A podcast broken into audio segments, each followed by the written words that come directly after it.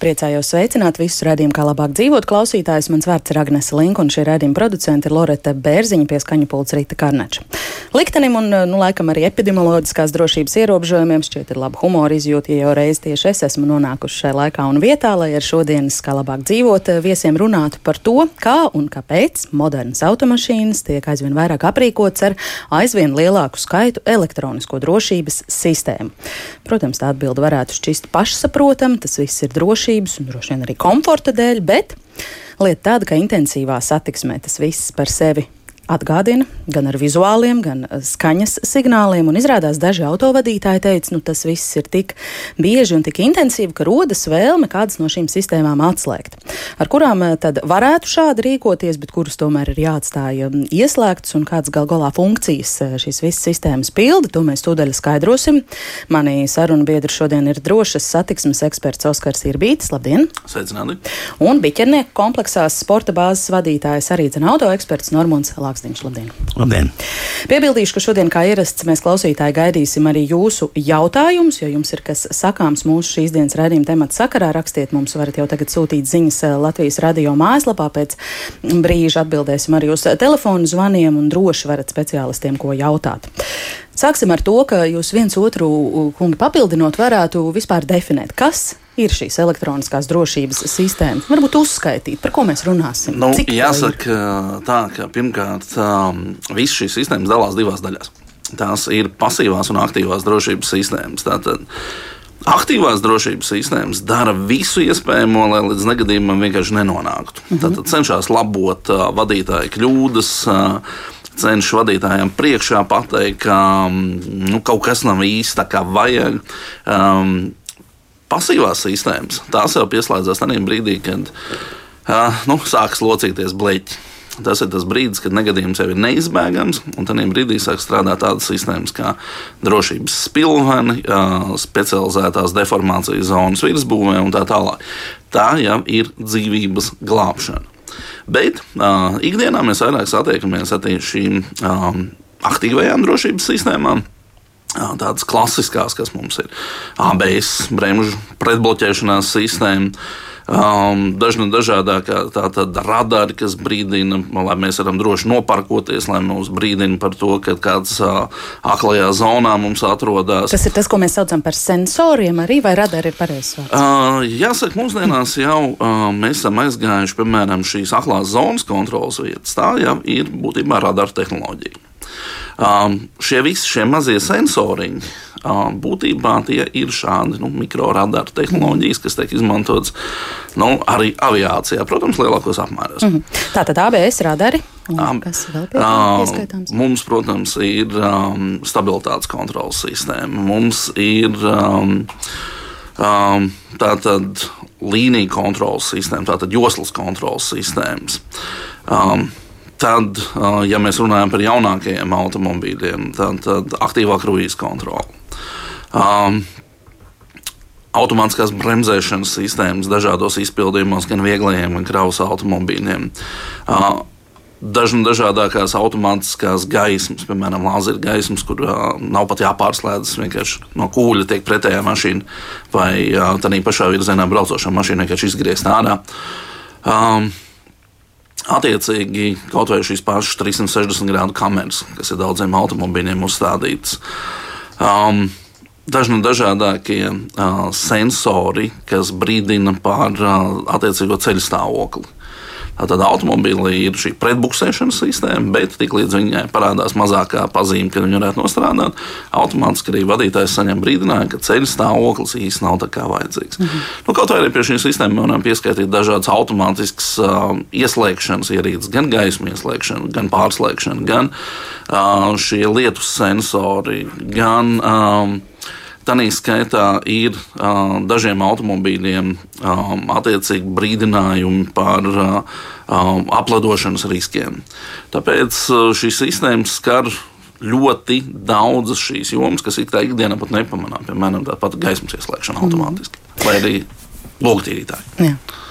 Normatīvs, kas piebilstams vēl, Oskars kaut ko neuzskatīt? Riepas spiediena kontroli, ja, kas mm -hmm. teiksim, arī teiksim, signalizē mums par to, ka eh, nu, kaut kas mums kārtībā nav automašīnas riteņiem, un vienā no riteņiem ir, ir, ir, ir, ir laikam spiediens krities, un, kas īstenībā var apdraudēt gan, gan mašīnas manevrēšanu, gan bremzēšanu. Tas bija gribēju, ko es mm -hmm. gribēju piebilst. Mm -hmm. Vai ir kādi pētījumi, kādi statistikas dati par to, kāda daļa no Latvijas autobraucējiem no mūsu autoparka vispār ir tik labi aprīkots ar šīm EDS e elektroniskajām drošības sistēmām? Cik mums ir to, kas brauc ar labām mašīnām, un cik liela ir to Latvijas autobraucēju daļa, kas saskars tiešām, nu, kā es domāju, ar tādu pirmās pasaules problēmu pārāk labi aprīkotu auto? Ir kāds priekšstats? Nu, tad jāskatās, ir kādu pēdējo, mm, varbūt tās kaut kāda trīs, četri četru, varbūt piecu gadu reģistrācijas dati. Jo tur jau būs tur redzams? Skaidr, skaidrāk redzams tās jaunās mašīnas, kurām, kurām jau sērija veidā šīs šīs uh, drošības sistēmas ir iebūvētas iekšā. Ja? Bet, protams, ka tas nav simtprocentīgs rādītājs, simtprocentīgs indikators tas nebūs, jo šobrīd vēl daudziem autoražotājiem drošības sistēmas, par kurām mēs tikko runājām, ir, ir kā papildu aprīkojums. Mēs mm -hmm. nevaram, nevaram šajā brīdī pateikt, vai, vai automašīnas īpašnieks, pērkot šo automašīnu, ir aprīkojis uh, savu automobīli, jau pasūtot ar uh, visām tām drošības sistēmām. Vai arī viņš ir nopircis tāds, kāds, nu, teiksim, salonā, kā tā mašīna stāv, tāda mm. viņa ir. Un, un šobrīd jau aprīkot papildus jau, jau ārpus rūpnīcas ar, ar, ar šīm drošības, elektroniskām drošības sistēmām, manuprāt, ir gandrīz vai neiespējami. Mm. Okay. Nu, jāsaka tā, ka vidējais mūsu autoparks, diemžēl, ir šie. Um, nu, 12, 14 gadi. Un, tas nozīmē, to, ka tātad, uh, 12 gadus vecam automobilim jau būtu obligāti jābūt aprīkotam vismaz ar divām lietām. Tas ir ABS un drošības pilniem. Cik no šīm sistēmām ir uh, saglabātas dzīvot spējīgas, nu, tas, protams, ir atsevišķs jautājums. Mm -hmm. uh, to, ko mēs redzam arī tehniskajās apskatēs, tad, diemžēl, ārkārtīgi daudz gadījumu, ka šīs sistēmas ir atslēgtas vai pēc avārijas, piemēram, nav atjaunotas, nav uzstādītas. Uh, tāda, nu, diezgan ievērojoša attieksme pret savu drošību no autovadītāja puses. Jā. Labprātīgi atslēgtas, vai ir kaut kāda apsvēruma, kāpēc? Nu, vienkārši kaut kāda finansiāla iemesla dēļ šī uh, drošības pilvena uzstādīšana, tas tomēr maksā pāris tūkstoši. Mm -hmm. Un uh, automobīlim, kur vērtība ir mazāka nekā šo drošības pilvena vērtība, nu, kāds izvēlās viņus neuzstādīt. Tāpēc um, aktuāls ir jautājums arī par šo automobīļu, šo veco automobīļu, ja jau viņi vienreiz cietuši negadījumā, norakstīšanu. Jo tas, ko arī savā eksperta pieredzē, teiksim, izmeklējot ceļu satiksmes negadījumus, es esmu redzējis ļoti daudz. Uh, jo vecāks automobīls, jo mazāk aprīkots ar šīm drošības sistēmām, sevišķi, ja šim automobilim tehniski paredzēti, piemēram, šie spilveni bet viņi ir izņemti ārā un iekļūst negadījumā, tad pārsvarā šīs sekas ir gaužām bēdīgas. Jo, um, To, ko arī nesen skatoties, piemēram, no tādiem nu, negadījumiem, kas nesen notikuši, kaut vai vienkārši mēdījos mēs redzam, ka uh, sadūries ar salīdzinoši jauns automobīls ar nu, kaut kādu 20 gadīgu automobīlu, tad pirmkārt tam 20 gadīgam gan rūsa, gan vispārējais, gan šo sistēmu nesamība beidzas ar to, ka tas jaunais automobīls praktiski izbrauc cauri šim vecajam. Un, ja tas cilvēks, kas ir atradies šajā labi aprīkotajā automobilā, vienkārši izkāpa no automobīļa un būtībā nu, ir, nav necietis, kas ir bez skrāmiņām, tad tādā vecajā automobilī ir letāls iznākums. Mm. Kas piebilstams vēl Normam par šo?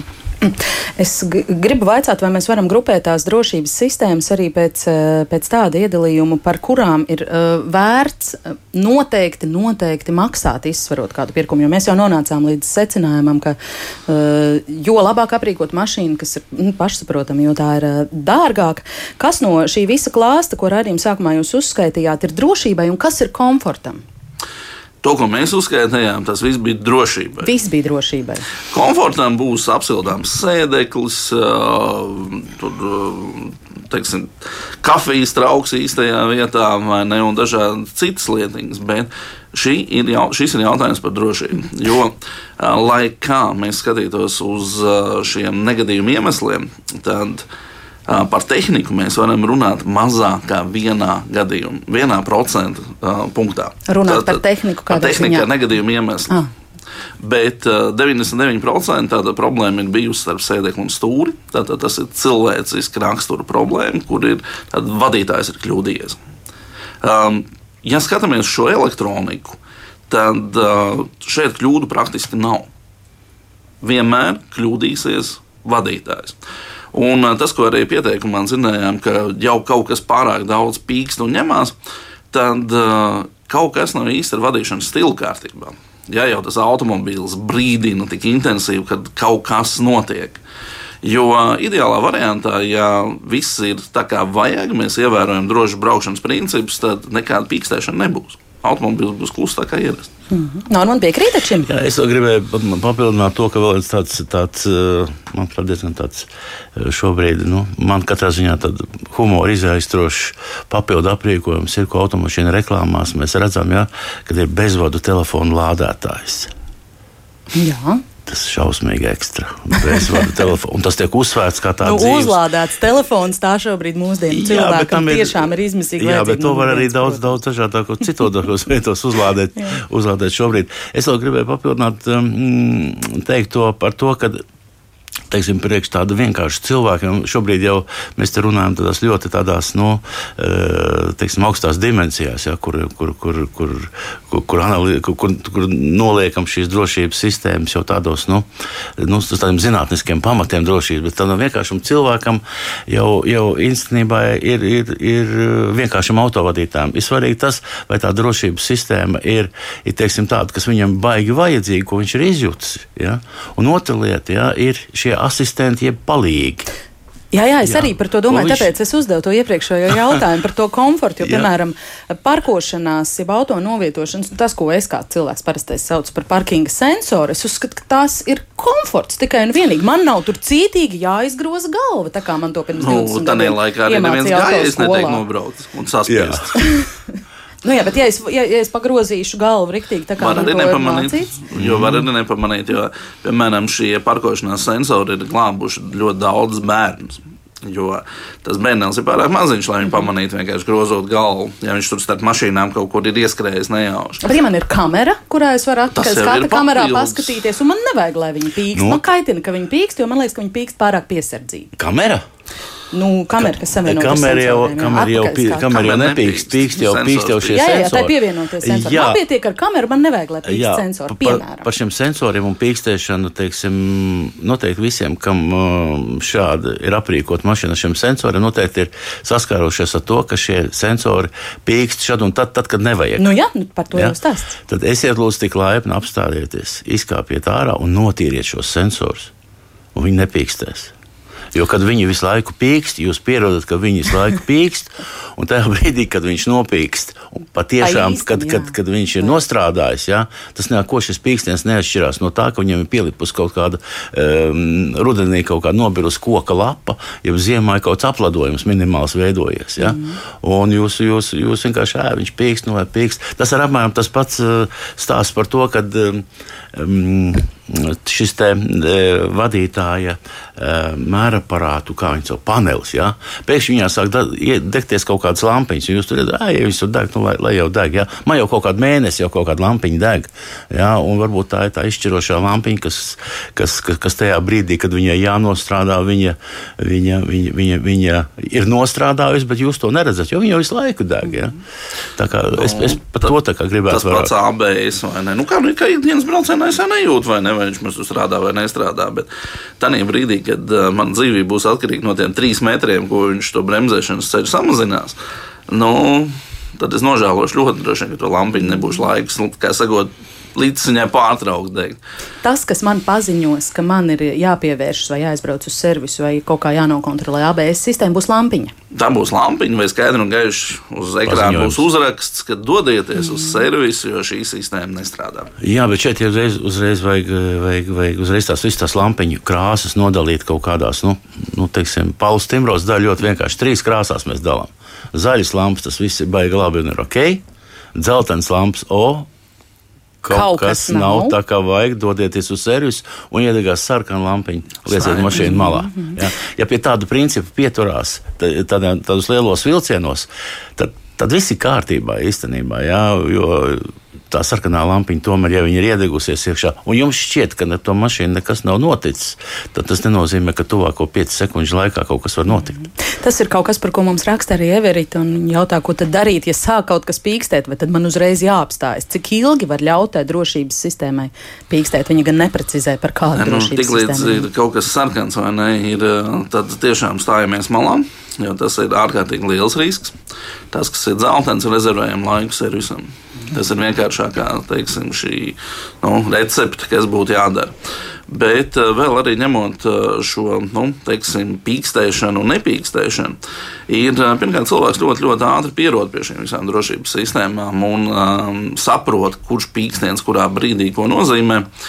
Un, um, Eksim, savā dzīvē es izbraucu ar ļoti daudziem jauniem automobiļiem, tā skaitā arī kā gada autožūrijas biedrs.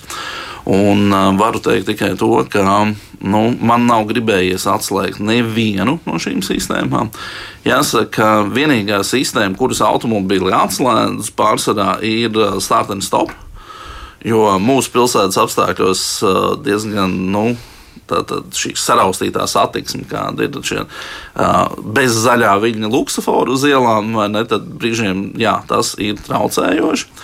Bet, ja pilsēta ir sakārtota un viss notiek tā, kā vajag, tad arī šīs sistēmas sniedz ļoti efektīvu degvielas ietaupījumu. Mm -hmm klausītāju komentāriem un jautājumiem, tad varbūt eh, pievērsīsimies. Gads raksta attiecībā par drošības spilvenu atjaunošanu. Ja tas maksā pāris tūkstošus, atcaucoties uz runātāju, tad būtu jābūt diskusijai par šo izmaksu samazināšanu, nevis auto norakstīšanu, jo būsim reāli tā nav kosmosa zinātne, kur šādai lietai jāmaksā tūkstošus. Drīzāk mēs runājam par lobiju, līdzīgi kā vienas eh, firmas eh, telefona lādētāja vats maksā četreiz vairāk nekā citas, jo redz, tur vajag lielo licenci čipam. Ceru, ka man doma var saprast. Nepiekritīšu īsti, ka um, to sistēmu var iztaisīt kaut kur krūmos un lētāk. Jo, um, Jāsaka, tā, šī sistēma ir ienākusi no raķešu tehnoloģijas. Tiešām, jo šī degviela, kas pārsvarā sadeg, tā ir nitroceloze un um, būtībā tā ir raķešu degviela, kas tur deg, uh, lai piepūstu šo drošības, uh, drošības spilvenu. Un um, šī sistēma galvenokārt viņai jābūt ļoti, ļoti stabilai. Tātad mums ir jābūt pārliecībai, ka viņi tiešām nostrādās. Tātad tas nevar būt kaut kāds kreisais produkts vai kaut kāds citādi. Uh, katrā gadījumā uh, šeit ir atkal pretī jārēķina viena cita lieta. Tātad uh, tas, ko es vienmēr esmu uzsvērs. Okay, automobīls tur lēca vai vēl kaut kāds, bet cik maksā cilvēku dzīvību? Tātad, cik maksā šis traumatisma risks, cik maksā šie, šis vēl joprojām priekš Latvijas situācijas ārkārtīgi lielais bojā gājēju skaits. Un jāsaka tā, ka vismaz 10% no šiem bojā gājējiem ir saistīti ar šo drošības sistēmu nesamību vai nu, nepilnvērtīgi, nepilnvērtīgi vai nu, defektiem, teiksim, mm. vecā automobīlī, ka kaut vai nav šie paši drošības pilveni atjaunoti. Jā, jums piekrīt Normons rakstot, ka drošības sistēma par daudz nemēdz būt, vai tad mēs tagad tuvojoties redzējumu vidusdaļā jau varam vienoties, ka formulējot sākumā uzdoto jautājumu, ko no drošības sistēmām varam lietot izvēles kārtībā un kuras noteikti nav ieteicams atslēgt un kāpēc mēs jau esam nonākuši pie secinājuma, ka visas drošības sistēmas simtprocentīgi jābūt ieslēgtām, visam jāpīkst, visam jāsignalizē un atvienot, tāpēc, ka krīt uz nerviem, mēs nevaram neko nav tāds, kas varētu vienot nost. noteikti, nu, noteikti, noteikti jautājums, kas krīt uz nāriem, noteikti neviena drošības sistēma, kas ir savā teiksim, aktīvajā, normālajā teiksim, darba režīmā, ne par ko jums neliecinās. Ja viņi nepīksties, nedegs lampiņas un tā tālāk, e, šīs sistēmas sāks par sevi atgādināt tad, ja patiešām kaut kas nav kārtībā. Kaut kas nav kārtībā ar jūsu mašīnu kaut kas nav kārtībā ar jūsu braukšanas stilu. Jā, tad viņas tikai Tieši sāks. Kā, ja viņas uz nerviem krist nevar, ja viss ir normāli. Jā. Mašīna nu, ir klusa, jā, viss ir kārtībā. Jā, vienīgais, vienīgais nu, man bija atkal tāds, tāds, tāds, tāds nu, izdzīves tāds, eh, tāds moments, es braucu ar taksometru. Es vispār reti braucu ar mašīnām, eh, kas saucās taksometri, bet kaut kā sanāca, ka bija jāpaskrien. Un tur tas eh, vadītājs mm, brauc nepiesprādzējies, un visu laiku tas pam, pam. Nu, es domāju, nu, piesprādzējusies. Es piesprādzējos, man ir vienalga tas pam. Es saku, jums netraucē šis te. Viņš saka, nē, es viņu saku, es šitā laiku braukāju, man saka, man vienalga. Es saku, nē, es saku, man gan traucē. Es saku, jūs nevarētu kaut kā izslēgt viņu, nogriezt vai gal galā piesprādzēties. Jā, piesprādzēties. jā nu man traucē tas. Un es domāju, ka arī autoražotāji arī šos, šos signālu tembrālos toņus ir, ir pielasījuši tādus, ja, lai viņš patiešām teiksim, tev būtu sadzirdams un baigo komfortu un teiksim, tādu muzikālo tādu labsajūtu neradītu. Šeit ir vesela zinātne, starp citu, kā izvēlēties šos signālus, lai viņi būtu maksimāli nepatīkami. Ah, jā? Protams. Viņi nav tur, lai viņi muzikāli gaumi veicinātu vai kā, bet viņi ir izveidoti tā, lai viņi kristu uz nerviem. Nu, Jo gal dažās, galā dažās viņu mašīnās mērķis- diezgan maigi. Viņu mērķis gal galā ir panākt, lai tas cilvēks vienkārši piesprādzēs. Jā, jo īs- īstenībā viņi sāk ar tādu maigu, varbūt tādu īslaicīgu un klusinātu, varbūt tādu skaņu un lēnāk garā pieaug, pieaug, un tad jau vienkārši, nu, es nezinu. Neaiziet, dažiem pat aiziet nepārtrauktā kaucošos. Jā. Klausītāji ļoti interesantus uh, komentārus sūta. Arnis raksta, ka pilsētā viņš arī atslēdz starta stopu pogu un ļoti reti vakaros naktī, tikai tad viņš ieslēdz kontroli uzbraukšanai līnijām. Saprotami? Uh, ir tā, ka uh, pa līniju kontroli es gan uzreiz varu teikt vienu lietu, ka uh, pēdējā laikā tā ir viena no dzīvības pašām glābjošākajām sistēmām, jo mūsu sabiedrībai ir divas nelaimes. Mēs bakstam viedierīces, novēršamies no auto vadīšanas un ļoti bieži braucam noguruši. Tātad risks, šis aizmigšanas risks, šīs novēršanās no ceļa. Un uh, it sevišķi pēdējā laikā šīs līniju kontrolas sistēmas ir kļuvušas uh, aktīvas. Tātad ne tikai ir šis pīkstiens, bet arī automobīls vienkārši pagriež stūri atpakaļ un uh, notur automobīlu šajā joslā. Tātad uh, mēs izvairamies no iebraukšanas pretējā joslā, mēs izvairamies no nobraukšanas no ceļa. Mm. Pilsētas apstākļos var būt ir, nu, kaut kādas situācijas, ka ne tādas trajektorijas iebrauktas, piemēram, ziemā vai kā, kur jā, tā sistēma bišķi kā, nu, pretojās autovadītājiem. Bet uh, normālos apstākļos viņi arī pilsētā strādā ļoti labi. Un, um, tiešām šis risks um, nokļūt šādā nu, klasiskajā noguruma vai neuzmanības negadījumā ļoti strauji samazinās. Ir sevišķi, ja vēl kombinācijā ar šo ir automātiskā bremzēšanas sistēma, tad automobīls pilsētā kļūst vismaz piecas reizes drošāks. Tieši par to, ko Oskars pieminēja, mums ir atrakstījusi Ilze. Viņa saka, ka viņa ir pamanījusi, ka viņas darbā auto ik pa laikam uzmet ziņu par to, ka es esmu nogurusi. Kā mans auto to var konstatēt?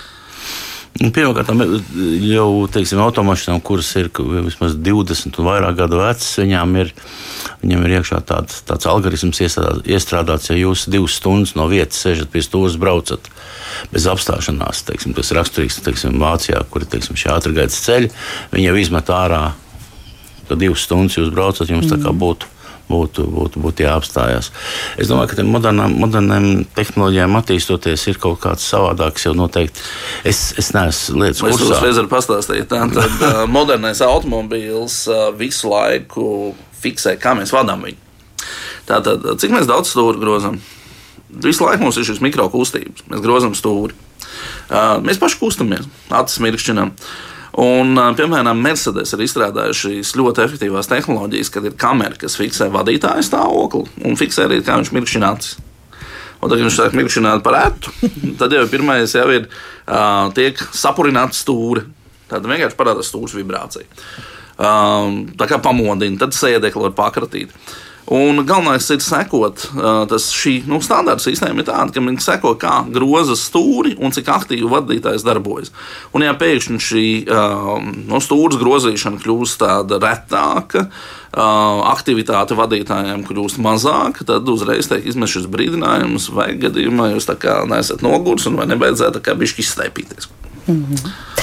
Nolasīšu Jāņa jautājumu. Tas būs kā mazs sāķītis, ko izmetīsim un atbildēsim pēc brīža. Viņš raksta, braucu ar autobusu un braucot pa Latviju ir viena sistēma, kuru vienmēr es slēdzu ārā. Tā ir automātiskās bremzēšanas sistēma pie mums. Katrs otrais eh, vieglais automobīls uzskata par pienākumu pielīst priekšā autobusam, un ja tajā brīdī nostrādā šī sistēma, tad visi pasažieri, kuri nebūs piesprādzējušies, vienkārši ielidos eh, priekšējā sēdeklī Eiropā. Tādu problēmu nesaskatu tā raksta Jānis, un atbildīja vai komentāru par viņu rakstīto mēs eh, pēc brīža dzirdēsim radījumā, kā labāk dzīvot, mirklis mūzikas. Kā labāk dzīvot?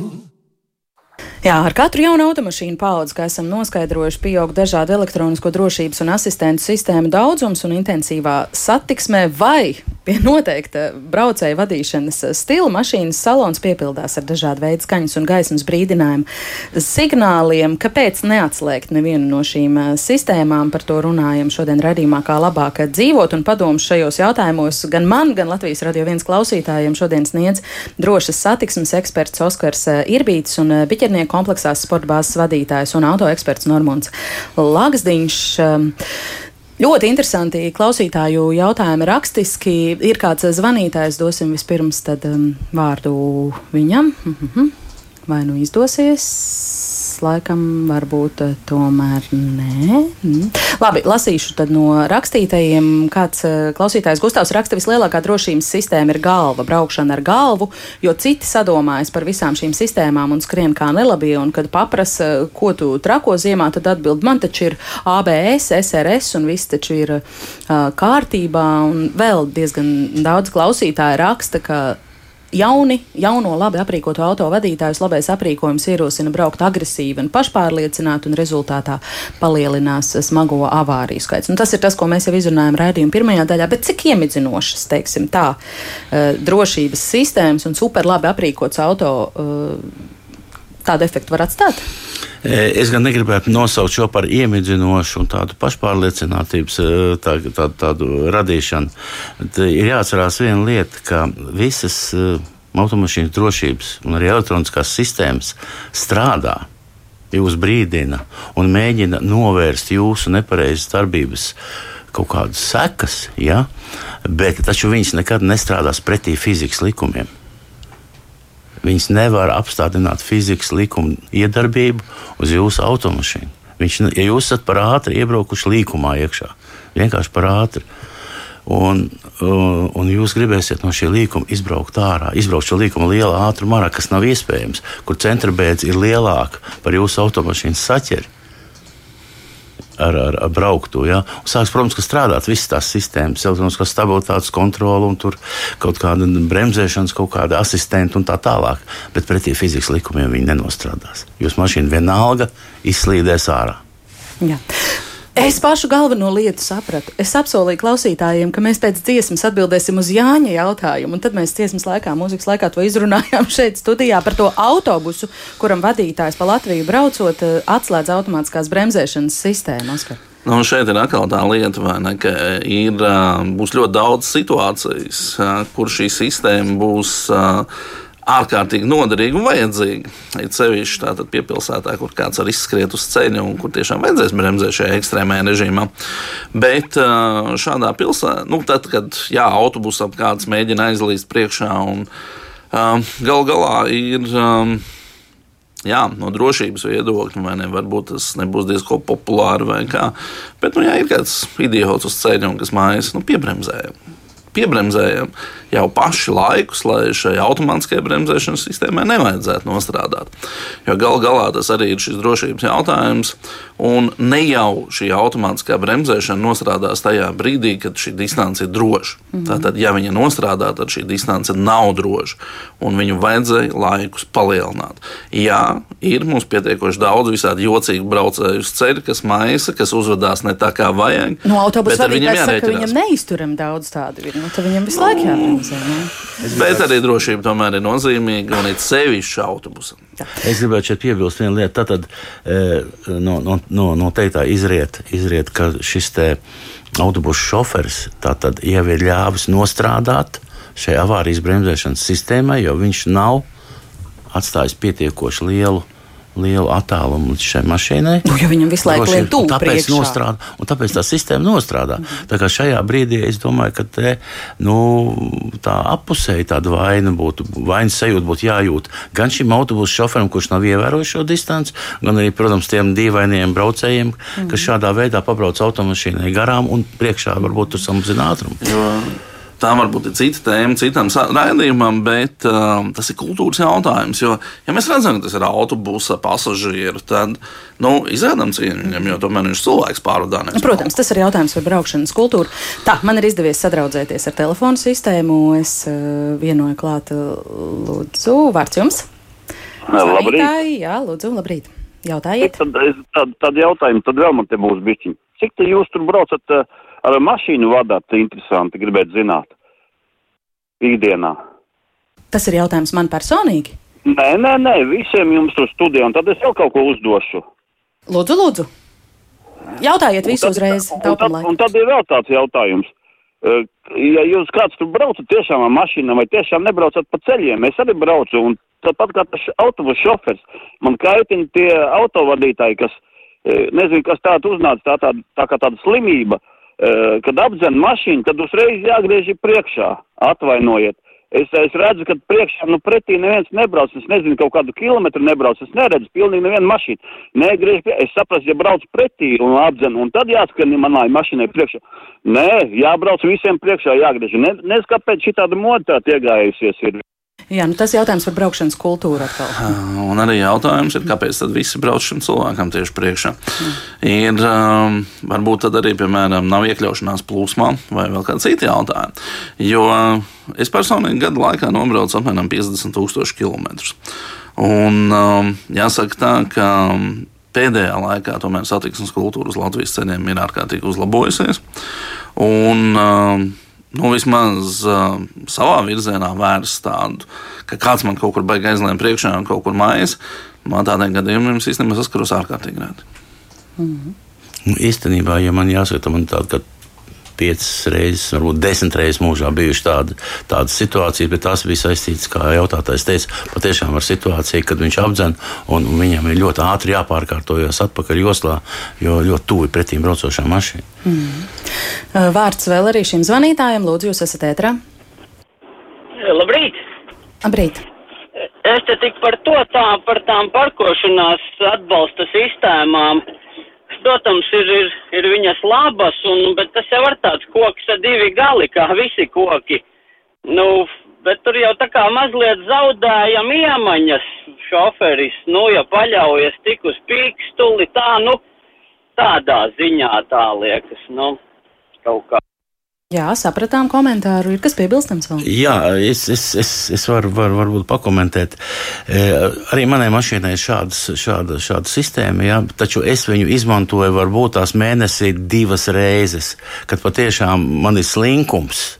Teiksim tā, nu, galvu grozīt un, un, un, un jāieparkojas patiešām starp divām mašīnām, vai pat grūtākais, ja ieparkojas atpakaļgaitā mm. starp divām mašīnām ceļa malā, kur patiešām man ir mans slinkums, vai es nejūtu. Nu, To nu baigi jā, jāsaka, jāsakoncentrējas. Pie katras parkošanās, es, protams, ka to šis sistēma neslēdz iekšā, un līdz ar to mana parkošanās, teiksim, māka vai, vai iemaņas šajā brīdī nezūd. Nezūd, jā. nevajag, nevajag vienmēr viņu, viņu lietot, kad vajag un kad nevajag. Es teikšu no savas puses, ne, ir, es ļoti ilgi, jau vairāk kā 20 gadus braucu ar tādiem automobīļiem kā Chrysler Voyager.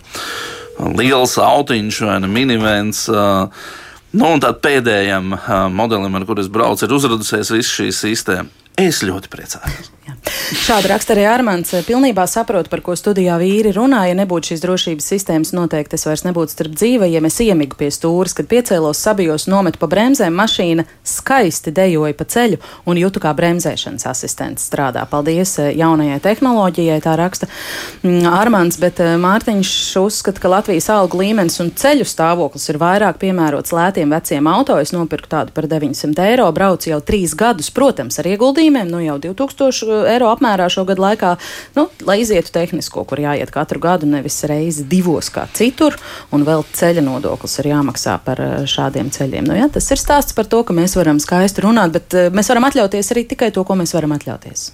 Jā, protams, bet šī definīcija, kad uh, es iegūdu mašīnā iekšā remontēt, tāpēc, lai varu iziet uh, apskati, ir, ir, ir pilnīgi nepareiza.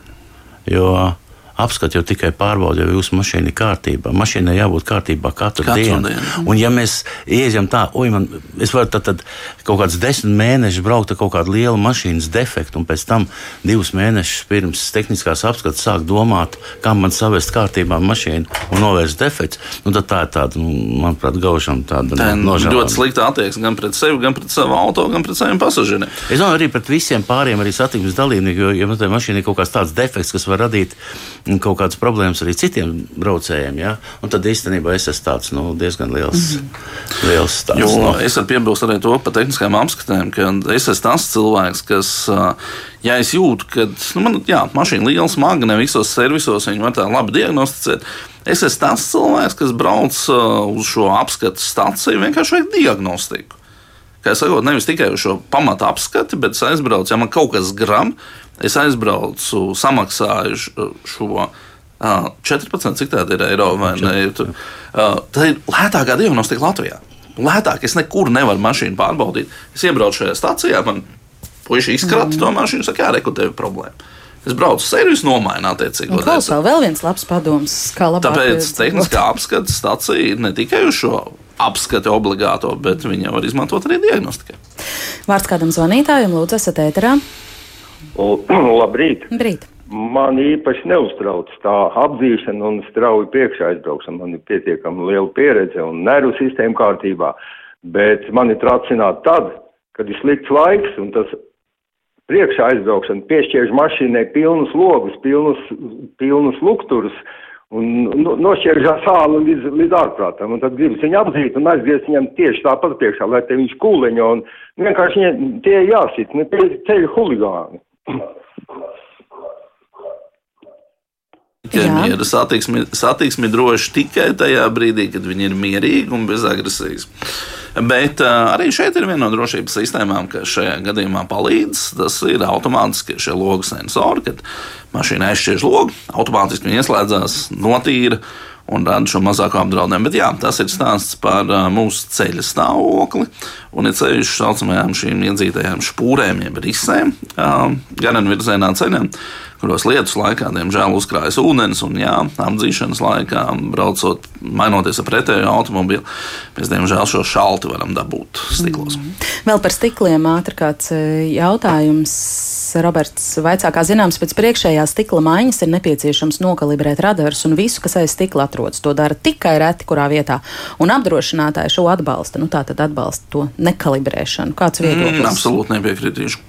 Jo apdrošinātāji ir, ā, tomēr ir ieinteresēti, lai negadījumi nenotiek, jo katrs negadījums rada viņam pietiekoši liels zaudējums. Un, ā, Tātad kā rīkoties, ja ir šāda situācija? Katrā ka gadījumā man ir bijis tā, ka arī automobīlim priekšējais stikls ir bojāts. Un uh, nekādas ne mazākās sūdzības par servisa darbību, jo servisa atjaunoja pilnībā visas sistēmas, uh, un viņas darbojās pēc stikla maiņas tieši tāpat kā pirms. Mm. Tāpēc tas ir tikai servisa kvalitātes jautājums, un es ļoti, ļoti apšaubu to, ka apdrošinātāji neatbalsta drošības sistēmu atjaunošanu. Vēl kāds zvanītājs, lūdzu, vārds jums? Labdien! Labdien! Es, ik, es ikdienā braukāju pa Rīgu ar smago mašīnu. Un tad ir tā, ka smagā mašīna ir 40 tonnas. Un viegli nesaprot, ka es nevaru uzsākt strauji ar visiem kopā. Tikko es sāku kustēties, divas, trīs mašīnas pielien priekšā. Viņi jau man jau ir grūti to mašīnu nobremzēt. Un tā nekaun, nekaunība no, no vieglo mašīnu puses ir ļoti liela pilsētā. Jā, atkal par braukšanas kultūru. Paldies par uh, komentāru. Vēl ko bildīsim? Jā, tas ir atkal, atkal laiku? braukšanas kultūras tā- tāds jautājums, un, un es kāpēc visiem šķiet, ka, ja šos, šajā gadījumā šo smagās automašīnu apdzīs, tad es būšu vinējis vismaz 20 minūtes mm. savā, savā ceļā un tā tālāk. Un īstenībā, īstenībā vajag, vajag, vajag vienkārši. Nu, Padomāt par to, ka nu, ne visiem ir tik ātras šīs mašīnas, un tik ātri viņas var uzsākt un nobremzēties. Un, un, un, un, un, un, un es domāju, tajā brīdī, ja mēs par to viens par otru domāsim, ja, šādu, un nestresosim, un, un neizrādīsim šādā veidā savu agresivitāti uz ceļa, mēs visi būsim ieguvēji. Vārds jums, lūdzu, vaicāsiet ko? Halo! Labdien! Labdien! šeit zvanījums autovadītājs, kam jūlijā būs 60 gadu pie stūras, un no tiem 50 automācībā. Nu, šeit par to repliku no autobusu šofēru. Viņam ir pilnīgi taisnība, jo jūsu klienti droši vien ir braukuši ar vieglajiem automobīļiem. Man arī tad nav, bet autobusu vadot, tiešām to var just, kad pat pilsētā priekšā 50 metru attālumā deg sarkans signāls, viņš aizskrien priekšā un strauji bremzē.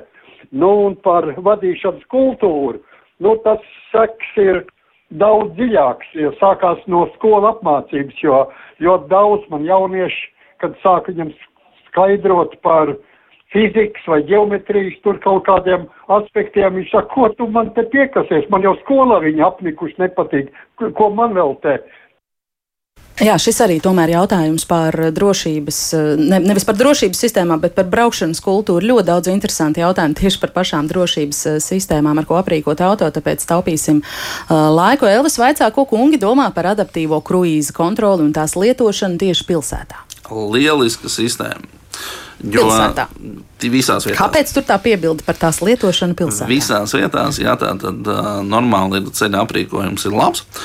Ja ir viss līnijas, viss ir tā kā vajag, tad tieši pilsētā braucot kārtējā sastrēgumā var reāli atpūsties. Jo uh, automobīls dara visu pats. Jo gal galā šī adaptīvā kruīza kontrole ir viens no pirmajiem soļiem attiecībā uz autopilotu. Un visa autobūve šobrīd ļoti aktīvi strādā pie tā, lai mēs tomēr pārietu uz autopilotu. Un, um, ļoti brīdī, daudziem tas droši vien izraisa šausmas. Um. Bija daudz, kas izraisīs šausmas. Piemēram, teiksim, pirmais automobīls pilsētā arī izraisīja šausmas un bija jāiet karodziņa mm. pa priekšu. Okay, bet īsti, kāpēc tā ir laba ideja? Ejam Tāpēc, ka uh, visu dara automātika.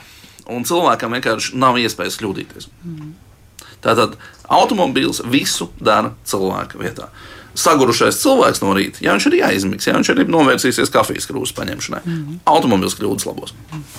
Artūrs eh, raksta, ka Kijā Eniro mākslīgi radīta braukšanas skaņa ar dinamika palīdzību. Es šo funkciju nevaru atslēgt, visa pārējā pasaule var atslēgt. Eh, cik tā jūsuprāt ir nepieciešama drošībai pret lieku skaņas piesārņojumu pilsētā? Un parkošanās sensori reizēm redz smilgas un koku lapiņas, mašīna strauji bremzē, neļauj veikt manevru, priekšējais radars nostrādā pirms tramvaju šķērs sliežu paaugstinājuma kādai mašīnai priekšā griežoties un tam līdzīgi, kur mašīna veic strauju bremzēšanu, apdraudot aizmugurē braucošās mašīnas. Normons met ar rokām. Kāpēc? Tas sarežģīts sūdzības nebija dzirdējis ilgu laiku. Ja? Man liekas, Artūrs zina, kā viņa mašīna darbojas. Man, man liekas, ka šeit bišķiņ, bišķiņ tiek, tiek sabiezināts krāsa un tik daudz, tik daudz dažādas, teiksim, tādas negatīvas emocijas, ko rada mašīnas šie drošības līdzekļi vienā brīdī kopā. Nu, man liekas, ka ir pa daudz bišķiņ. Un, un, un, un, un, un, Un, un te ir atkal tas, tas, tas stāsts, ja jau viņi tur pīkst, nu, tad viņiem ir kaut kāds pamats pīkstēt. Ja aizmugurē braucot, tu priekšā ir smilgas, jau braucot pa pļauju, kur nekā nav. Protams, ka tas sensors pīkstēs, jo sensors fiksēs kaut kādas smilgas, lapas un mazas zariņas un tā tālāk. Ikdienā pa pilsētu braucot, noteikti ar smilgām nevienam nevajadzētu saskārties. Nu, Rīga taču zaļa pilsēta. Un, ja tās tramvajas sliedas reaģē uz, pareizot, ja sensori reaģē uz tramvajas sliedēm, tad skaidrs, ka viņas ir vismaz kā minimums 7 cm virs līmeņa. Tā, tā, tā ir vieta, kur tiešām vajadzētu norēģēt un piebremzēt. Mm. Mērija jautā, vai ir kādi kursi, kur apmāca par visām šīm drošības sistēmām, lai saprastu, ko, kam un kāpēc tas viss vispār vajadzīgs. Normāli ir tā, ka tad, kad cilvēks nopērk jaunu automobīlu, tad pirmkārt viņš iepazīstās ar viņu manuāli. Un tad brīdī, kad cilvēkam tiek pārdots šis automobilis, tad uh, vismaz dīleri cenšas iepazīstināt ar šīm drošības sistēmām un izstāstīt, kā viņas darbojas. Un šie divi varianti. E, kad automašīna nopērk no salona, kad tāda, kāda viņa ir, tad tas, protams, ka dīleriem ir noteikti pienākums to izdarīt mašīnas nodošanas brīdī pircējiem. Otra lieta ir, kad automašīna tiek pasūtīta rūpnīcā ar īpašu aprīkojumu, tādu kādu plus tam standarta aprīkojumu, kas jau ir teiksim, bāzes modelī iekšā. Pircējs grib pasūtīt vēl kaut ko klāt, un tad jau šī, šī, šī, šī, šī teiksim, instruktāža ir mazāk svarīga, jo pircējs jau ir izgājis cauri aha, bāzes modelī, tas tas iekšā, bet es gribu vēl piemēram, mm, teiksim, šo dinamisko kruīzu kontroli, es gribu vēl kaut ko, vēl ko. Viņš jau apzināti zina, ko viņš pasūta un kāpēc viņš to pasūta. Mm. Jā, Roberts vēlreiz mums raksta, ka mēs tomēr nesot kompetenti par vēstikla nomaiņu, jo ir ļoti liels kāds eh, stiklu tirgotājs, protams, nesaukšu vārdā un uzstādītājs. Viņiem nemaz nav šādu iekārtu, lai kalibrētu sistēmas pēc stikla nomaiņas un apdrošināšana tomēr ir ieinteresēti, jo, lai būtu pēc iespējas mazāk rēķina, Roberts raksta, ka viņš saka to tāpēc, ka viņš ir tajā pusē klientam un zina, kā tas notiek. Nu, tas ir jautājums apdrošinātājiem. Tātad. Mm, Kurš būs pirmais, kas atzīsies? Diemžēl, jā. Nu, ko mēs vēl te varam paspēt? Vai nevajadzētu ieviest CSDD vadītāju apmācības programmā uzsākšanu un bremzēšanu smagajā transporta līdzeklī, lai visiem rastos priekšstats, kas ir smagais auto? Reinis raksta, ir tādas valstis, kur tas ir obligāti B kategorijas iegūšanai, un jā, tad varbūt šīs avārijas bremzēšanas sistēmas smagajām mašīnām vai autobusiem būtu retāk jālieto. Ja mēs parastie vieglo automašīnu šoferi zinātu, cik tas ir grūti? Nu, tā ir diezgan sarežģīta lieta un varētu būt arī diezgan nu, grūti to ieviest. Lieta. Bet ir valstis, Jā, bet raksta, uh, nu, katrā gadījumā ir iespējas arī cilvēkiem, tie, kuriem tiešām ir interese par šo kravinieku, vai ne, ir iespēja izbraukt viņam poligonu apstākļos. Mm -hmm. Kāds auto izdevums 85. gadā rakstīja, ka ražot auto ar vairāk kā 150 km resursu nav komerciāli izdevīgi. Kāpēc tas netiek ņemts vērā un uzlabota tiek tikai pasīvā drošības sistēma, jautā Jānis. Absolūti nepiekrītu. Un tas, kas ir rakstīts 85. gadā, bija sen un vairs nav taisnība. Un uh, šobrīd vienkārši to, ko mēs redzam attiecībā uz aktīvajām drošības sistēmām, vienkārši notiek revolūcija šajā jomā. Un, kā jau teicu, mēs esam taisnā ceļā uz autopilotu, kas ir augstākais līmenis šajās aktīvajās drošības sistēmās. Nu, tad pie tā arī paliksim. Liksim punktu vai daudz punktu šai sarunai radījumā, kā labāk eh, dzīvot. Paldies eh, par šādu jautājumu atbilžu sprintu abiem mm, šīs dienas eh, maniem sarunu biedriem. Tie bija drošas satiksmes eksperts Oskars Irbītis un Biķernē kompleksās sporta bāzes vadītājs auto eksperts Normons Lāksdiņš. Paldies jums par dalību radījumā un komentāriem. Šo radījumu veidoja Loreta Bērziņa, kā radījuma producenta. Pie skaņu pults darbojās Rita Karnača un pie mikrofona bija es Agnese Linka. Paldies visiem rakstītājiem, zvanītājiem! Klausītājiem uz sadzirdēšanos.